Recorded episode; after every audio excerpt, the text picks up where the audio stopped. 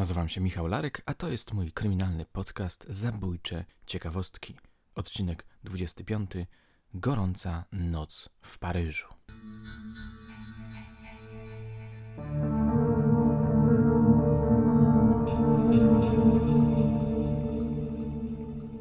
Po wypuszczeniu czwartego odcinka opowieści Starego Szkieła, który zatytułowałem Asiu, gdzie jesteś, odezwał się do mnie słuchacz z bardzo frapującymi informacjami. Pamiętacie ten odcinek? Przypomnę wam w paru słowach. Jest to historia, która wydarzyła się na obrzeżach Wielkopolski. Pewną młodą dziewczynę zaatakował zły człowiek, który przemocą chciał zaspokoić swoje seksualne żądze. Tym razem w podcaście nie wystąpi policjant, który brał udział w śledztwie i który opowiedział mi o tej sprawie. Dlaczego? Po prostu chcę pozostać anonimowy. Pewne szczegóły zamarzę, inne lekko zmienię czy wyretuszuję, niektóre dodam. Nie tylko ze względu na to, że zabójca podobno wyszedł już z zakładu karnego i cieszy się wolnością. Jeśli ktoś z Was rozpozna tę historię, niech napisze do mnie. Jestem bardzo ciekawy, jak inni ją zapamiętali, co inni na jej temat wiedzą. Chętnie spotkałbym się z tym chłopcem, który, ale nie, nie będę wyprzedzał wypadków. Wspomniany słuchacz jako młody chłopiec objeżdżał wtedy rowerem tamtą okolicę. Nie był to, co prawda, ów chłopiec, który pomógł policji, ale mimo to sam kontakt z jego strony był dla mnie elektryzujący, co nie może być dla Was zaskoczeniem. Po wymianie wiadomości skontaktowałem się z policjantem, który pracował przy zabójstwie zgwałconej Asi i poinformowałem go, czego się dowiedziałem. Obaj byliśmy podekscytowani. To było niespodziewane przeniesienie się w czasie. Tamtego wieczoru oglądałem kapitalny brytyjski serial Broadchurch, który dotyczył seryjnych gwałtów, więc powrót do tamtej prawdziwej sprawy tym mocniej mnie poruszył. Nie spodziewałem się, że dzięki informacjom i zdjęciom przesłanym przez słuchacza, tak dokładnie będę mógł sobie zwizualizować tamtą nieszczęsną scenerię. Zobaczyłem nagrobek Asi, który został postawiony w miejscu ukrycia ciała w lesie, w dolince, nie wiem jak to nazwać fachowo, do której schodzi się po betonowych schodach. Na nagrobku jest napisane, że dziewczyna zginęła śmiercią męczeńską. Boję się przez ten las przejeżdżać nawet autem. Mroczno. Napisał mój rozmówca, co zrobiło na mnie, przyznaję, wrażenie. Na moje pytanie o wygląd Asi odpowiedział, że była szczupłą, długowłosą dziewczyną o ciemnej karnacji. Nosiła okulary. Ładna dziewczyna, podsumował. Kiedy to odczytałem, poczułem, że coś mnie ściska w gardle. Zacząłem wyobrażać sobie ponownie tamte sceny, ale tym razem jakby dokładniej, jeszcze bardziej empatycznie. Wyraźniej widziałem ją po prostu. Dostałem też zdjęcia domu, w którym zostawiła plecak, rudery, w której mieszkał zabójca ze swoją rodziną. Widziałem jej dom.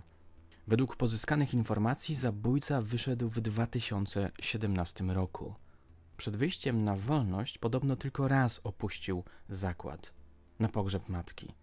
Według mojego słuchacza na cmentarz przywieźli go skutego. Jesteście zapewne ciekawi, co się z nim teraz dzieje. Ja byłem bardzo.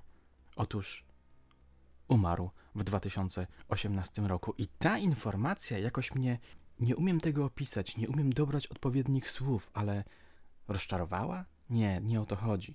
Chodzi mi o to, że poczułem jakieś ukłucie, jakby ta historia za szybko się skończyła. Rodzice ofiary żyją i zapewne dalej cierpią, zabójca natomiast odszedł sobie i spoczął na zawsze, jakby ignorując to, co zrobił. Po odłożeniu telefonu zadumałem się i zacząłem szkicować w myślach opowieść, która nawiązywałaby do tej sprawy, a zaczynałaby się od wydarzeń, które miałyby miejsce po wyjściu zabójcy z zakładu karnego. Kiedy skończy się pandemia, na pewno tam pojadę. Nie mogę wyciszyć w sobie tej historii. Muszę do niej jeszcze wrócić w taki czy inny sposób. A propos wiadomości od Was, od słuchaczy i słuchaczek. Jakiś czas temu dostałem maila od słuchaczki z Francji. Opowiedziała mi historię, która przypomina historię ciotki Magdaleny, którą opowiedziałem w czwartej zabójczej ciekawostce. Pamiętacie? Pewna żebraczka okazała się miliarderką, przyłapana na swoim procederze twierdziła, że czuje nieodpartą potrzebę żebrania. Rzecz działa się w Paryżu. W końcu lat 80. mieszkałam w prestiżowej siódmej dzielnicy Paryża, tuż obok placu inwalidów pod numerem 34 na ulicy Świętego Dominika. Tak epicko zaczynała się opowieść miłej słuchaczki. Posłuchajcie, znowu wracamy do Paryża. Opowieść trochę zredagowałem, niektóre detale dotyczące architektury tego budynku wyciąłem, żeby historia była bardziej dynamiczna, ale muszę przyznać, że dzięki tym dokładnym opisom poczułem, że naprawdę wchodzę do wnętrza owego budynku. Trochę mi się skojarzyło to z powieściami kryminalnymi mojego ulubionego autora, czyli Georgesa Simenona, który akcje swoich historii umieszczał właśnie w Paryżu. Kamienica była obiektem historycznym, stanowiła niegdyś część koszar wojsk napoleońskich. Mieściły się w niej pokoje dla oficerów, które zostały potem przerobione na całkiem zgrabne, choć niewielkie kawalerki. Z uwagi na mały metraż lokatorami budynku byli na ogół młodzi ludzie, głównie studenci, ale zdarzali się również starsi ludzie. Ze schodów wchodziło się do długiego korytarza z szeregiem drzwi prowadzących do mieszkań. Wszystkie okna wychodziły na dziedziniec. W moim korytarzu mieszkała pewna stara babuleńka. Trudno było określić jej wiek, mogła mieć lat 80, mogła mieć i 100. Nigdy nie udało mi się nawiązać z nią bliższego kontaktu. Babcia była trochę głucha, a moja znajomość francuskiego w tym czasie nie była wybitna, więc ograniczałam się do grzecznościowego bonjour madame. Każdego ranka babcia wychodziła z domu i ze składanym taborecikiem w ręku udawała się do najbliższej stacji metra. Gdzie szła? Do pracy. Stawiała taborecik między dystrybutorami z kanapkami, napojami i różnymi łakociami, po czym sadowiła się na nim. Miała ze sobą kartonowy kubeczek, do którego przechodnie mogli wrzucać datki. Co ciekawe, kubeczek zawsze był pusty. Kiedy coś do niego wpadło, babcia natychmiast to ukrywała. Kiedy zgłodniała lub była spragniona, wypatrywała kogoś, komu dobrze patrzyło z oczu i prosiła go o zafundowanie mu czegoś do jedzenia lub picia. Wieczorem babcia wracała do domu. Początkowo myślałam, że od razu kładła się spać. Nigdy nie zauważyłam, żeby w jej oknie paliło się światło. Dopiero później dowiedziałam się, że w mieszkaniu nie było tam prądu. Babcia nie płaciła rachunków, więc prąd został odcięty. W razie potrzeby przyświecała sobie świeczką i niestety ten właśnie zwyczaj stał się przyczyną nieszczęścia. Otóż którejś majowej nocy babcia zasnęła przy płonącej świeczce. Gdy ona zanurzała się w błogim śnie, jej mieszkanie, szczelnie wypełnione od podłogi po sufit przeróżnymi dobrami, zaczęło płonąć. Proszę sobie wyobrazić, jest druga w nocy. Nagle budzę się, czuję swąd spalenizny, ktoś wali do drzwi, otwieram, a tu strażak, który sprawdzał, czy pozostali lokatorzy nie zaczadzieli. Zabronił otwierać okna i drzwi i polecił, żeby je uszczelnić mokrymi szmatami. Za oknami kłębił się dym. Nazajutrz rano okazało się, że mieszkanie, które spłonęło, należało do babci. Przed jej oknem wznosiła się sterta gałganów wyrzuconych przez strażaków w trakcie akcji ratowniczej. Uwaga, sterta ta sięgała niemal do wysokości drugiego piętra. Żadnych mebli nie udało mi się dostrzec, więc myślę, że jedynym, jaki posiadała, był ten składany taborecik. Po dziedzińcu kręciła się watacha policjantów, którzy nie pozwalali nikomu opuszczać domu. Dzień był trochę wieczny, to ważna okoliczność. Po całym dziedzińcu fruwały banknoty, mnóstwo banknotów. Dopiero około drugiej po południu udało się zgarnąć wszystko na jedną kupę i zabezpieczyć, a lokatorzy mogli udać się do swoich zajęć. Do wieczora już nic się nie działo, poza tym, że ustawiono naokoło kopczyka banknotów straż składającą się z ośmiu policjantów z krótkofalówkami. Dodatkowy efekt wywoływała druga straż, ustawiona przed bramą budynku. Ci policjanci mieli zadbać o to, żeby do naszego budynku wchodzili jedynie jego mieszkańcy. Obstawa zmieniała się co kilka godzin.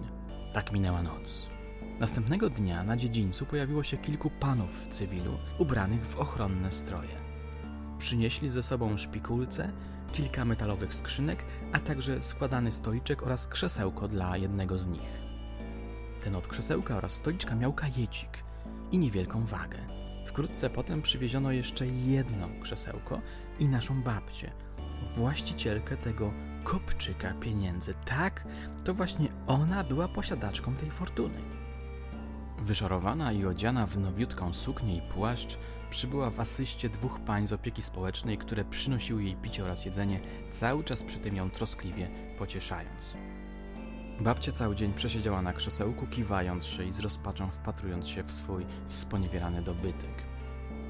Tymczasem panowie w cywilu przy pomocy szpikulców grzebali w stercie, wyciągając z niej mniej lub bardziej nadpalone zawiniątka, w których znajdowały się mniejsze lub większe zwitki banknotów.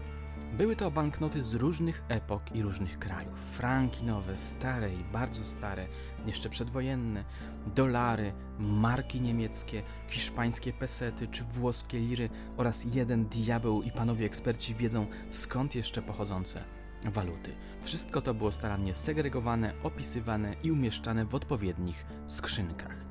Było też mnóstwo zawiniątek z bilonami, których nie segregowano, a jedynie ważono i zsypywano do osobnego pojemnika. W związku z tą fortuną rodzi się pytanie, czym zajmowała się babcia, kiedy była młoda i piękna. Tutaj to ode mnie wtręt nasza narratorka figlarnie zwraca się do nas i dodaje elegancko. Nie ulega wątpliwości, że była bardzo pracowita i oszczędna, a klientelę miała zamożną i międzynarodową. No cóż, sugestia jest dość wyraźna, jak słyszycie. Nasza bogata żebraczka mogła być kurtyzaną, piękną i oszczędną. Zaiste znakomite to połączenie zalet w tym zawodzie. Ale to tylko kwestia domysłu, pisze nasza paryska narratorka, po czym kontynuuje. Panowie eksperci pracowali w pocie czoła 4 dni, od 9 rano do 18. Dodam, że pod nadzorem babci, którą codziennie dowożono. W nocy wartę pełniło ośmiu funkcjonariuszy. Piątego dnia wieczorem zabawa się skończyła, a policjanci, eksperci oraz babcia opuścili dziedziniec, na którym został niewysoki, aczkolwiek dość rozległy kopiec popiołu. Wtedy do akcji, jak ten sęp, wkroczył dozorca z pudełkiem po butach i dwoma małymi sępiątkami uzbrojonymi w widelce. Sępiątka pracowicie gmerały w popielisku, a tatuś sęp stał na straży i pilnował, żeby nikt inny się nie zbliżał i nie próbował niczego podkraść. Sępiątkom udało się wygrzebać monety, które wypełniły trzy czwarte wspomnianego pudełka. I to już koniec opowieści. Nie znam dalszych losów babci. Nie mam też pojęcia, jaki posiadała majątek, ale z pewnością ogromny, choć niewątpliwie sporo z tych pieniędzy straciło jakąkolwiek wartość. Wyprowadziłam się stamtąd po dwóch miesiącach, ponieważ nie zanosiło się na szybki remont. Babcia nie była ubezpieczona, a nikt nie kwapił się do przeprowadzenia remontu z własnych środków. Utrzymujący się swąd spalenizny był nie do zniesienia, a czarny, osmolony korytarz sprawiał przygnębiające wrażenie. Doszły mnie słuchy, że remont zrobiono dopiero po trzech latach od tego zdarzenia. Kapitalna historia, prawda? Bardzo obrazowa, napisana z nerwem, dowcipna, no i pokazująca, że pozory jednak mylą. Biedni mogą okazać się bogatymi, a starsze, niepozorne panie fascynującymi kobietami. Każdy ma swoją historię, każdy ma swój sekret. Warto więc czasami się zatrzymać i przyjrzeć uważniej przechodniom. Może właśnie mijamy jakąś wspaniałą tajemnicę. Kto wie? W tej opowieści zabrakło mi jednej rzeczy imienia tej pani. Żeby nam łatwiej zapadła w pamięć, musimy jej nadać imię. Jakie? Florence. Była to opowieść o pani Florence. A zanim się z wami dzisiaj pożegnam, pozwolę sobie przypomnieć o trwającej akcji związanej z prenumeratą online znakomitego magazynu opinii zatytułowanego Pismo. O co chodzi w tej akcji? O zniżkę na dostęp, który uzyskacie dzięki kodowi promocyjnemu ode mnie. Normalnie roczny dostęp online do pisma kosztuje 120 zł, ze zniżką tylko 99 zł, czyli co miesiąc płacicie zaledwie 8 zł z ogonkiem. Według mnie to świetna okazja. No dobrze, jak zatem odebrać zniżkę na dostęp? Aby skorzystać ze zniżki na roczny dostęp online do pisma, wystarczy założyć konto lub zalogować się w serwisie i postępować wedle poniższej instrukcji. A oto instrukcja. Wejdź na stronę z ofertą prenumeraty, którą znajdziesz pod linkiem magazynpismo.pl ukośnik prenumerata. wpisz swój kod promocyjny w puste pole. Kod to 629448 małe d 592 i naciśnij wprowadź. Poniżej wyświetli ci się ikona z opisem sprezentowanej ci prenumeraty. Roczny dostęp ze zniżką od Michała Larka. Kliknij kup. Dostęp online do pisma dostaniesz od razu. Tutaj uwaga, kod promocyjny, powtórzę, 629448 małe d 592 będzie aktywny do godziny 23.59 w dniu 6 maja 2020 roku. To chyba wszystko, co powinniście wiedzieć o tej akcji. Życzę Wam owocnych lektur, a ja tymczasem żegnam się z Wami. Do usłyszenia już niebawem.